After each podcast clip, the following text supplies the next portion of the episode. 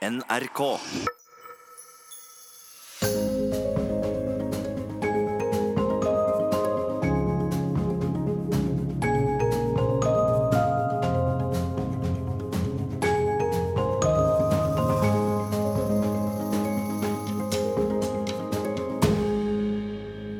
Akkurat nå så sitter jeg her og kjenner at jeg er skikkelig glad inni meg. Jeg har akkurat dansa Crazy Bananas opp i NRK-kantina og fått varm te med honning. Jeg heter Tale Maria Krohn Engvik. For ett år siden var jeg helsesøster på fire videregående skoler i Oslo.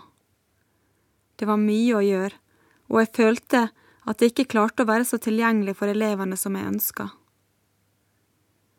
En dag bestemte jeg meg for å åpne en Snapchat-konto for å fortelle elevene når jeg var til stede. Og så eksploderte det.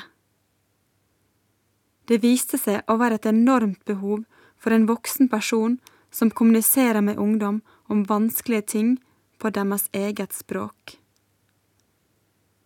Derfor tok jeg permisjon fra helsesøsterjobben i kommunen og blei hele Norges helsesøster, som helsesista på Snapchat på heltid. I februar i år fikk jeg en helt spesiell snap. Det var fra faren til et av ofra i Darkroom-saken, pedofiliringen i Bergen som ble rulla opp av politiet. Faren takka meg for jobben jeg gjør på Snapchat, og fortalte hvordan mine historier på Snap var daglig tema rundt kjøkkenbordet hjemme hos dem, der døtrene hans syntes det var både flaut og morsomt når han kjørte Happy Moment i stua. Den meldinga glemmer jeg aldri. Den viste meg hva slags kraft det ligger i å bruke sosiale medier til noe positivt. Jeg er også opptatt av ensomhet. Det er noe som vi alle har kjent på. Det er mange unge skuespillere blant oss. De sitter på skolen, de sitter på bussen, og de sitter hjemme rundt middagsbordet. Men på Snapchat lar de maska falle. Der forteller de meg ærlig om hvordan de har det. De stoler på meg, de viser meg tillit. De slipper meg heilt inn.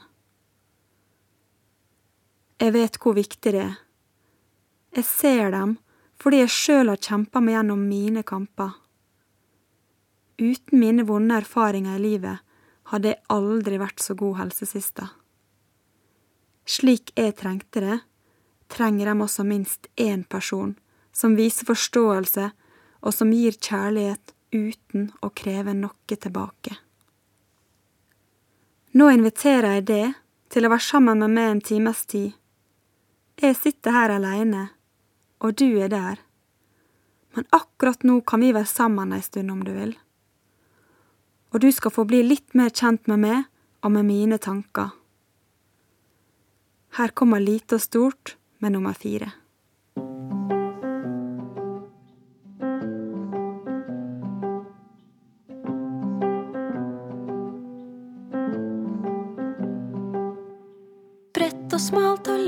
Kort. Lite og stort er landet vårt. Og for noen er det langt frem. Men uansett hvor langt det er, bratt og glatt og mørkt det er Jeg gikk på Steinerskolen i Ålesund, fra andre klasse på barneskolen og ut hele ungdomsskolen. Det var en liten skole, og vi var ikke så mange i klassen. Ingen av mine klassekamerater bodde i nærområdet. Jeg gikk på teater, speider og drev med hest og spilte håndball.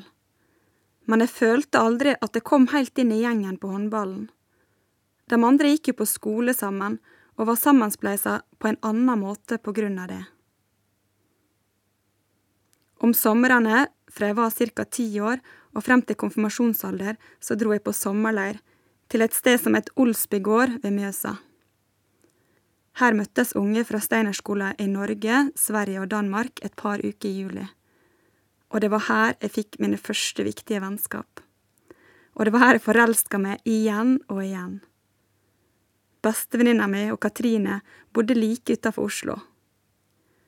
Og Katrine var ei fantastisk bestevenninne. Vi kunne snakke i timevis i telefonen. I tillegg så sendte vi hverandre brev der vi mimra om Olsby og delte hemmelighetene våre.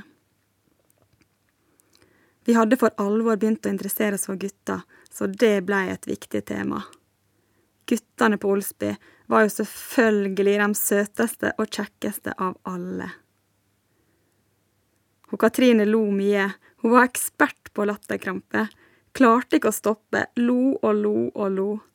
Og det var ikke alltid det passa seg med disse latterkrampene, men latteren hennes var så smittende at jeg ofte satt der knallrød i ansiktet, med tårene sprutende ut, og følte jeg skulle sprenges av latter. Og Katrine var ikke særlig sjenert, hun snakka med alle, og var ikke redd for å si meningene sine. Hvis hun følte hun måtte gjøre noe hun syntes var veldig unødvendig, så kunne hun godt sette i gang en diskusjon. Hjemme i Ålesund så kjente jeg meg ensom og annerledes. Jeg brukte mange tellerskritt i fasttelefonen med krøllete ledning for å holde kontakten med Katrine og vennene mine langt unna. Men den sommeren jeg ble 15 år, så endra mye seg.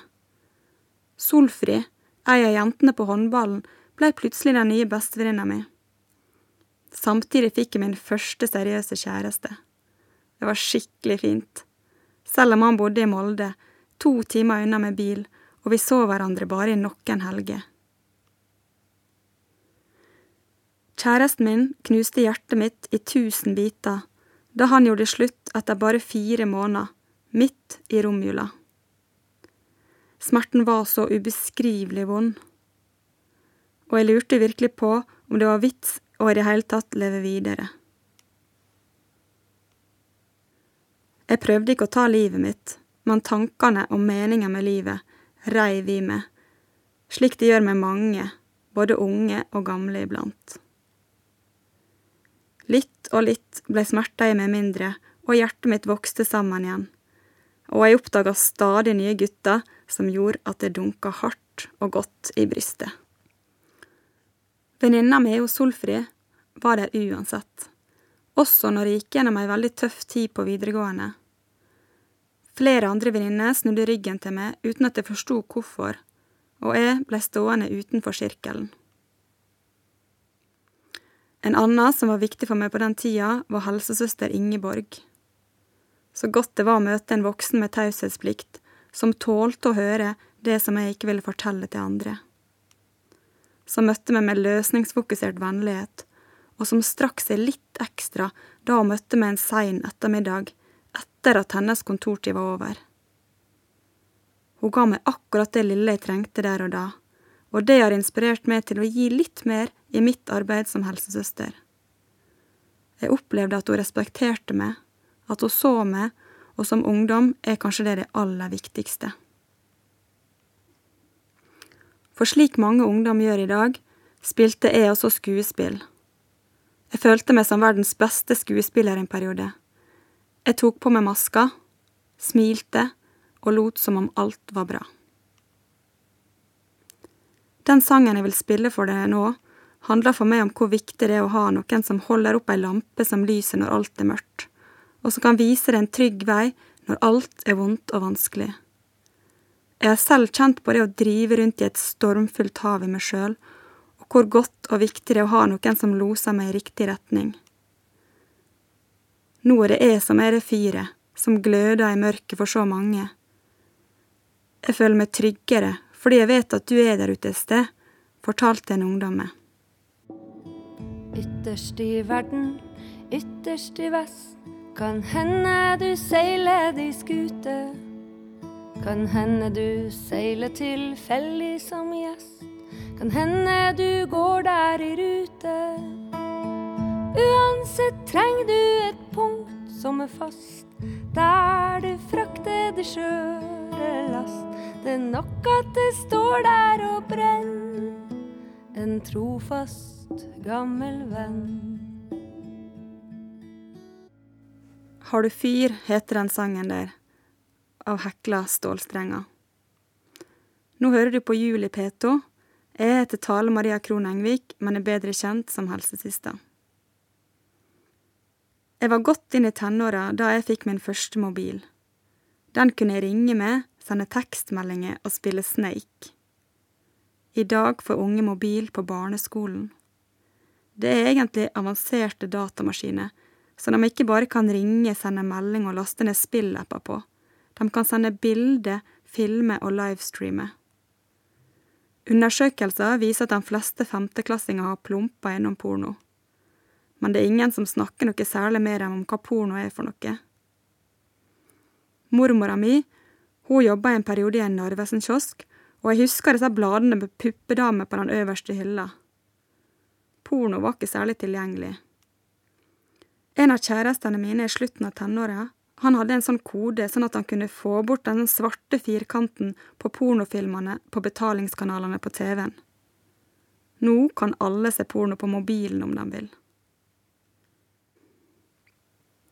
Når pornoindustrien kjemper om oppmerksomheten, tøyes grensene på det som produseres i kampen om seerne. Hvordan påvirker dette barna og ungdommene våre? Hva slags bilde får de på hva som er normal og deilig sex, når den dominante, aggressive og ofte kvinneundertrykkende pornoen gjør eksempel gangbanging av schoolgirl til den eneste seksualundervisninga de får. Bortsett fra litt prat om kjønnssykdommer og uønska graviditet. Hvordan påvirker pornoen bildet på hvordan en kropp skal se ut, disse store pikkene og de symmetriske kjønnsleppene? Barn og unge kan gå langt i sin usikkerhet og sin iver etter å bli likt. De kopierer ting de ser, og det andre gjør. Om ikke seksualundervisninga i skolen får mer plass og blir bedre, så vil unge fortsette å streve. Da vil jeg fortsette å få snap fra gutter med store kompleks for en tiss med gjennomsnittlig størrelse. Gutter som mister ereksjonen med kjæresten fordi presset etter å etterligne pornosex er for stort og fra jenter som er bekymra for ei venninne som ukritisk legger flest mulig til som venner på sosiale medier for å virke mer populær. Ei jente på tolv år gjorde et spesielt inntrykk på meg. Hun sendte meg en snap der hun fortalte at hun planla å møte sin 19 år gamle nudevenn, altså en hun sender nakenbilder med. Hva skal dere gjøre? spurte jeg. Nei, jeg vet ikke, han sa vi kunne godt dra hjem til han, sa hun. Jeg fortalte henne at hvis hun skulle møte en nudevenn som er 19 år, da ville han forvente at de skulle ha sex. Hæ? Æsj! Tror du det? svarte hun da. Hun hadde ikke tenkt den tanken sjøl. Min erfaring er at ungdom som vikles inn i et alvorlig spindelvev av trusler om å sende nakenbilde, lar være å melde fra om overgrep fordi de skammer seg og er livredde for at foreldre skal få vite det. Det er gode foreldre som gjør alt for barna sine, men som lar tabua være sterk fordi det er visse tema det aldri snakkes om. De unge følgerne mine forteller at de godt kan si fra til politiet, men at de er mer redde for at foreldre skal få vite hva som har skjedd. Derfor vil jeg gjerne bruke denne anledninga til å si til alle dere foreldre som hører på det her, vær så snill og spør deg sjøl. Hva kan jeg gjøre annerledes for at mitt barn skal tørre å komme til meg den dagen de har gjort en feil i livet eller opplevd noe som har vært vondt eller vanskelig? Å holde det rommet åpent er noe av det aller viktigste du kan gjøre for barnet ditt.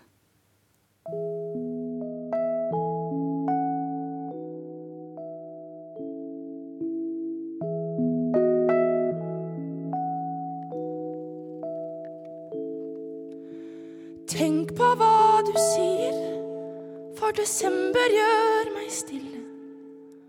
La meg i det minste få ha tårene i fred. Nå hørte vi Jula hjemme av Maria Mena og Trygve Skaug. Vi må huske at den fremste delen av hjernen til barn og unge, den som hjelper oss til å tenke fornuft og konsekvens, ikke er ferdig utvikla før rundt 25-årsalderen. Vi kan ikke forvente at barn og unge skal forstå og forutse alt. Vi må snakke med dem, uten for mye strenge råd og pekefinger. Vi må undre oss og stille åpne spørsmål. Hva tenker du kan skje da? Hvordan ville det vært for deg om? Vi som voksne må snakke jevnlig med barn fra de går i barnehagen, om kropp, om grenser, om hvor det er greit at andre tar på oss. Hvor kan vi ta på andre? hva som ikke er greit, hva som ikke er lov, hvordan vi respekterer andre. Da dattera mi var ca. fire år, så spurte henne om hun hadde lov til å ta mamma på tissen. Ja, svarte hun og strålte opp. Nei, svarte jeg da, det er det bare jeg som har lov til. Barn har aldri lov å ta på tissen til en voksen. Fra hun lå på stellebordet har vi også jevnt og trutt snakka om hvem som har lov til å tørke henne etter å ha vært på do, vaske henne, og at bare hun bestemmer over sin kropp. I tillegg til å snakke jevnlig om egne og andre sine grenser, hjemme og i barnehagen, må det tas opp igjen i barneskolen, i ungdomsskolen og på videregående. Det må bli like naturlig som å snakke om at vi må pusse tenner, at vi trenger å spise og sove for å ha god helse. God seksualundervisning, som også fokuserer på hva god sex er, på grenser og følelser, og som inkluderer det skeive mangfoldet, påvirker nemlig helsa vår i enormt stor grad. Barn og unge som opplever å bli utsatt for overgrep, og som lukker det inni seg fordi alt rundt kropp og seksualitet er tabu i samfunnet, utvikler store psykiske vansker. Hver gang jeg snakker om vold, seksuelle overgrep og rusproblemer i familien på min Snapchat, renner det inn med sterke historier og betroelser fra våre unge. De er ikke bare et tall, de er ekte. Det er unge som forsøker å håndtere smerten inni seg, disse vanskelige tankene, de vonde følelsene og kaoset inni seg ved å slutte å spise, ved å overspise, ved å kutte seg, ved å ruse seg, ved å la andre bruke seg. De vikler seg inn i mer og mer smerte, og de føler seg alene i verden. De mister lyset inni seg, de famler etter håpet. Vi må snakke rett frem og uten bruk av vanskelige ord. Vi må ikke kleine ut og begynne å snakke om blomster og bier, om ikke det er å få god honning som er sluttpoenget. Vi må fortelle barna våre at alle gjør feil og dumme ting. Det vil dem også gjøre og den dagen de opplever noe skikkelig kjipt og vondt, er det viktig for oss at de vet at de kan fortelle det til oss. At vi ikke skal bli sint, men at vi skal støtte dem, være der og hjelpe dem så godt vi kan. Vi må øve oss alle sammen på å snakke om det som kjennes ubehagelig, vanskelig og flaut. For når vi øver, så blir det til slutt lett og ukomplisert og gevinsten er barn og unge som har kunnskap, trygghet og styrke inni seg til å si fra og til å få hjelp når de trenger det. Et godt tips er å velge å dele dine egne kleine historier med barna dine, og le litt sammen. Latter og varme smil er ei sikker oppskrift på å lokke frem ei god lita stund. Når vi våger å by på oss sjøl, styrker vi relasjonen mellom hverandre. Når vi har det godt sammen, og fokuserer på de små og fine øyeblikkene som kommer til oss, blir livet som denne De Lillo-sangen en smak av honning. Den handler jo rett og slett om happy moments. Mange lever kun for penger, som de faktisk ikke trenger. Jobber både natt og dag i et evig statusjag. Men hva blir det så av det søte liv. Å være tenåring er ikke bare lett. Når jeg ser tilbake, ser jeg ei jente med store, brune øyne, lyst, langt hår, pannelugg og fine juleminner. Ei jente som kom fra en familie der TV-en var innelåst i et skap på stua og bare fikk komme frem under barntoget på 17. mai og når kongen holdt nyttårstalen. Vi hadde kosestund istedenfor å se barne-TV. Vi leste og sang mens han pappa spilte gitar. Da jeg var 13 år, flytta mamma til Oslo i fem år for å oppfylle sin studiedrøm. På den tida fikk jeg min egen hund, svarte og hvite Shikki, en blanding mellom border collie og norsk buhund. Hun fikk høre alle mine hemmeligheter og var min aller beste venn gjennom hele ungdomstida. Storesøstera mi var også flytta til Oslo, og vi var fire søsken igjen hjemme. Jeg var eldst av oss. Han pappa var i full jobb og hadde alt ansvaret for oss og for huset. Vi hadde ikke særlig god råd. Jeg stjal heller en 20-kroning fra lommeboka til han pappa enn å spørre om penger til bussen. Jeg orka ikke høre den samme leksa han alltid gjentok, at det var lite penger. Vi snakka ikke særlig om disse der vanskelige og typiske tabutinga hjemme, og jeg sparte dem for alle mine vonde opplevelser. Eller, de huska forresten da hjertet mitt ble knust. Det var jo i romjula da jeg var 15 år, bare noen dager etter at jeg hadde pakka opp et smykke, et gullhjerte, i julegave for han jeg elska. Mamma fortalte meg at jeg lå utrøstelig i senga og verken ville ha mat eller drikke. Verden var gått under. Gullhjertet ble liggende som en skatt i smykkeskrinet mitt til den dagen Oshiki fikk kreft i magen og måtte avlives. Smerten over å miste henne var den største sorgen så langt i livet mitt. Med seg i grava fikk hun den fineste skatten jeg hadde. Med hodet hvilende på ei pute og et pledd over seg, blinka gullhjertet i smykket rundt halsen hennes før jorden dekka min aller beste venn. Å bli foreldre er et valg. Vi kan ikke bare velge alt det fine, gode og herlige som skjer med barna våre. Vi må også velge å være der i det vonde. Vi må gi dem rom til å dele de vonde tinga, ellers vil de la være. De vil ofre seg sjøl for å beskytte og skåne sine nærmeste. Presset er større i dag enn da jeg var ung. Kroppspresset starta mye tidligere. Det er et stort motepress, og sosiale medier sover aldri. Når vi går inn i puberteten, starter kanskje den mest sårbare og usikre perioden vi har i livet. Det skjer enorme endringer. Kroppen vokser og forandrer seg. Og inni oss skjer det også mye i det ved å gå fra å være barn til å bli ungdommer og etter hvert unge voksne. I denne perioden er det vanlig at man møter store utfordringer, blant annet i forhold til venner og til kjærlighet. Det å ha gode mennesker rundt seg kan bli avgjørende for hvordan man mestrer og komme seg gjennom disse stormene i seg sjøl. Når jeg møter motgang, setter jeg ofte på Survivor med Destiny's Child, skrur opp volum og danser med for full kraft.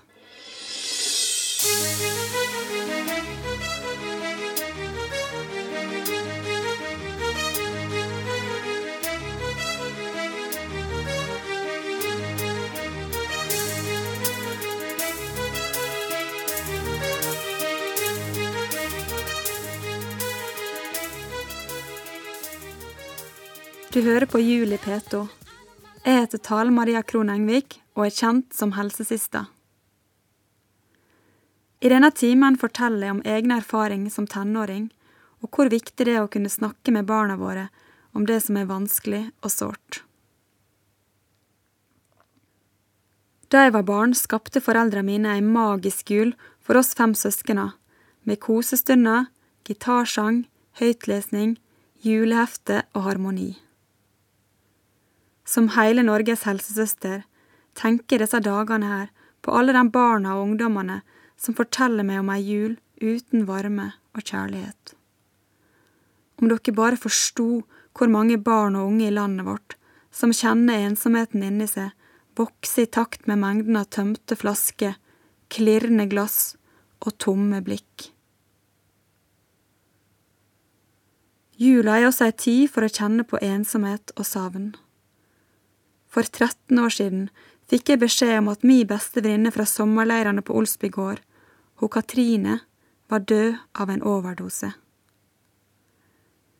Vi hadde mista kontakten etter at vi konfirmerte oss, og jeg fikk bestevenninne i Ålesund. Jeg vet egentlig ikke så mye om hvordan hun hadde det etter at vi konfirmerte oss, og hva som egentlig skjedde rundt dødsfallet. Men jeg savner henne fremdeles og jeg husker en gang jeg var på besøk hos Katrin i Oslo. Jeg har alltid lært at man skal ta tran om vinteren, men Katrine syntes at tran var ufyselig ekkelt. En morgen hjemme på kjøkkenet hennes så utfordrer jeg Katrine til å ta ei skje med tran. Hvis jeg tar ei skje med tran, så lover jeg at jeg kommer til å spy, sa hun til meg. Herlighet, det er ikke så gale, da, sa jeg. Katrine gapte over transkeia og svelga. Så snudde hun seg og spydde i kjøkkenvasken. Jeg husker også at Katrine og jeg brukte tonnevis med hårspray en periode. Vi måtte alltid ha en hårspray i veska eller i sekken, og løp inn på nærmeste toalett når vi merka at luggen vår ikke lenger var perfekt. Sminke var ikke så viktig enda, men hårspray i luggen, det var viktig. Ekstremt viktig. Tida mi sammen med Katrine var lykkelig. På sommerleiren på Olsby gård sneik vi oss ut om natta etter at lederen hadde sagt vi skulle sove. Vi løp gjennom skogen full av skrekk for at grevlingen skulle komme og bite oss i beina, og fant veien til huset der guttene vi likte holdt til. En gang la vi oss under sengene til noen av de kjekke lederne, uten at de la merke til det. Der lå vi og så på hverandre og holdt oss for munnen for ikke å dø av latter. De kjekke lederne snakka om jenter, og de tente på fisene sine med lighter. Jeg er veldig takknemlig for tida mi sammen med Katrine. På den tida ønska jeg at vi bodde nærmere hverandre, for hun var den eneste som virkelig forsto meg. Når jeg begynte å planlegge denne radiosendinga her, og tenkte tilbake på vennskapet med Katrine, så begynte jeg å gråte. Som voksen forstår jeg enda mer hvor viktig dette vennskapet var for meg, og selv om vi bodde langt fra hverandre, så hadde vi tross alt hverandre. Vi hadde også samme musikksmak, og favorittbandet var De Lillos. Frode og Erlend, to av de aller kjekkeste guttene på Olsby gård, spilte og sang mange De Lillo-sanger på sommerleirene ved Mjøsa. Da satt vi i samlingssalen, med salige smil og beundrende blikk. Samlingssalen om kvelden var den beste stunda på dagen. Det var litt trangt, så vi måtte sitte tett sammen.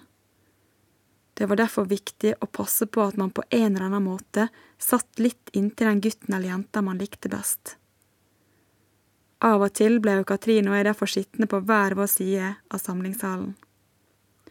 Vi smilte lykkelig til hverandre og liksom besvimte med øynene, fordi litt av foten, arma eller noe annet var borti han Markus, David, Lukas eller nå hvem enn drømmekjæresten vår var da.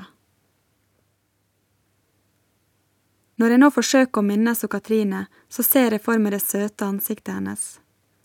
De sjarmerende freiene og det lure smilet hennes hun synger med. Hun ser på meg med tilgjorte, uskyldige hundeøyne og sukker åh når sangen er ferdig.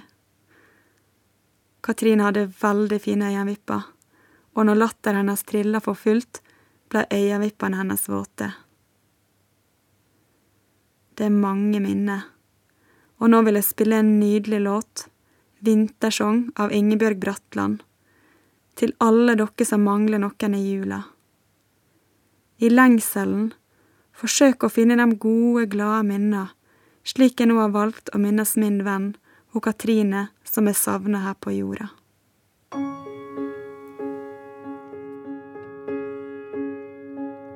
Rim på støkeglåset, frost på hver ei grind. Overalt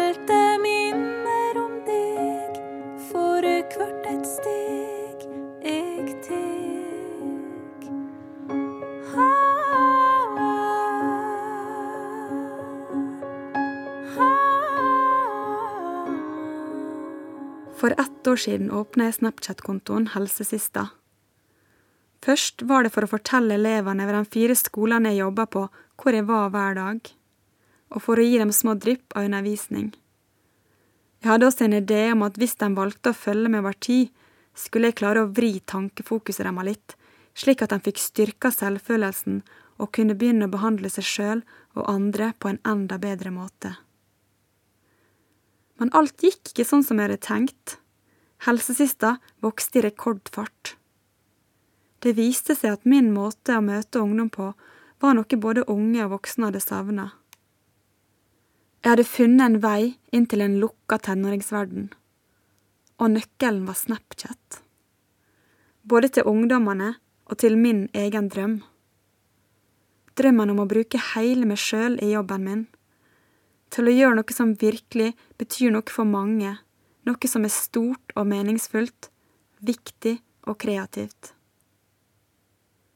For helsesista hjelper oss å forstå at det er ikke så farlig, at vi må våge å være annerledes, og hvor viktig det er med happy moments i hverdagen, både i lyse og i mørke tider. At vi tar vare på disse små, gode øyeblikkene der vi kjenner ekte glede inni oss, at akkurat nå har jeg det fint.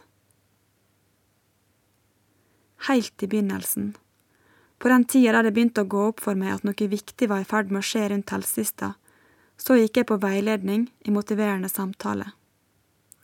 Der leste hun Cindy, ei av mine helsesøsterkollegaer, opp et dikt av Olav H. Hauge. Et dikt som er kåra til et av Norges beste dikt gjennom tidene. Det traff meg rett i hjertet, og for meg handler diktet om helsesista. Om min drøm. Tenk litt på det første som slår deg når du hører dette diktet. Kanskje det er din drøm? Det er den draumen vi ber på, at noe vidunderlig skal skje, at det må skje, at tida skal åpne seg, at hjarta skal åpne seg, at dører skal åpne seg, at berget skal åpne seg, at kjeldor skal springa, at draumen skal åpne seg. At me ei morgonstund skal glida inn på en våg me ikkje har visst um.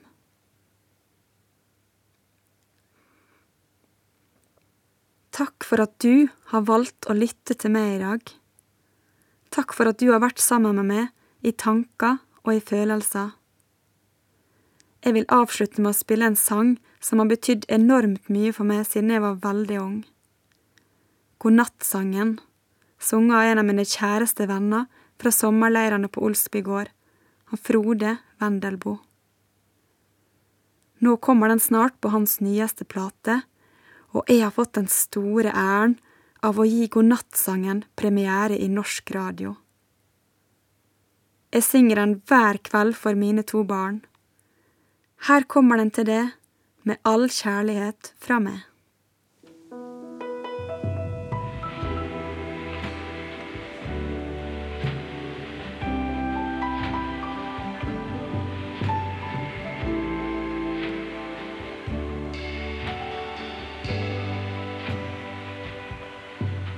Sier hysj, god natt, min venn. Og brått er dag blitt natt igjen. Solen svinner.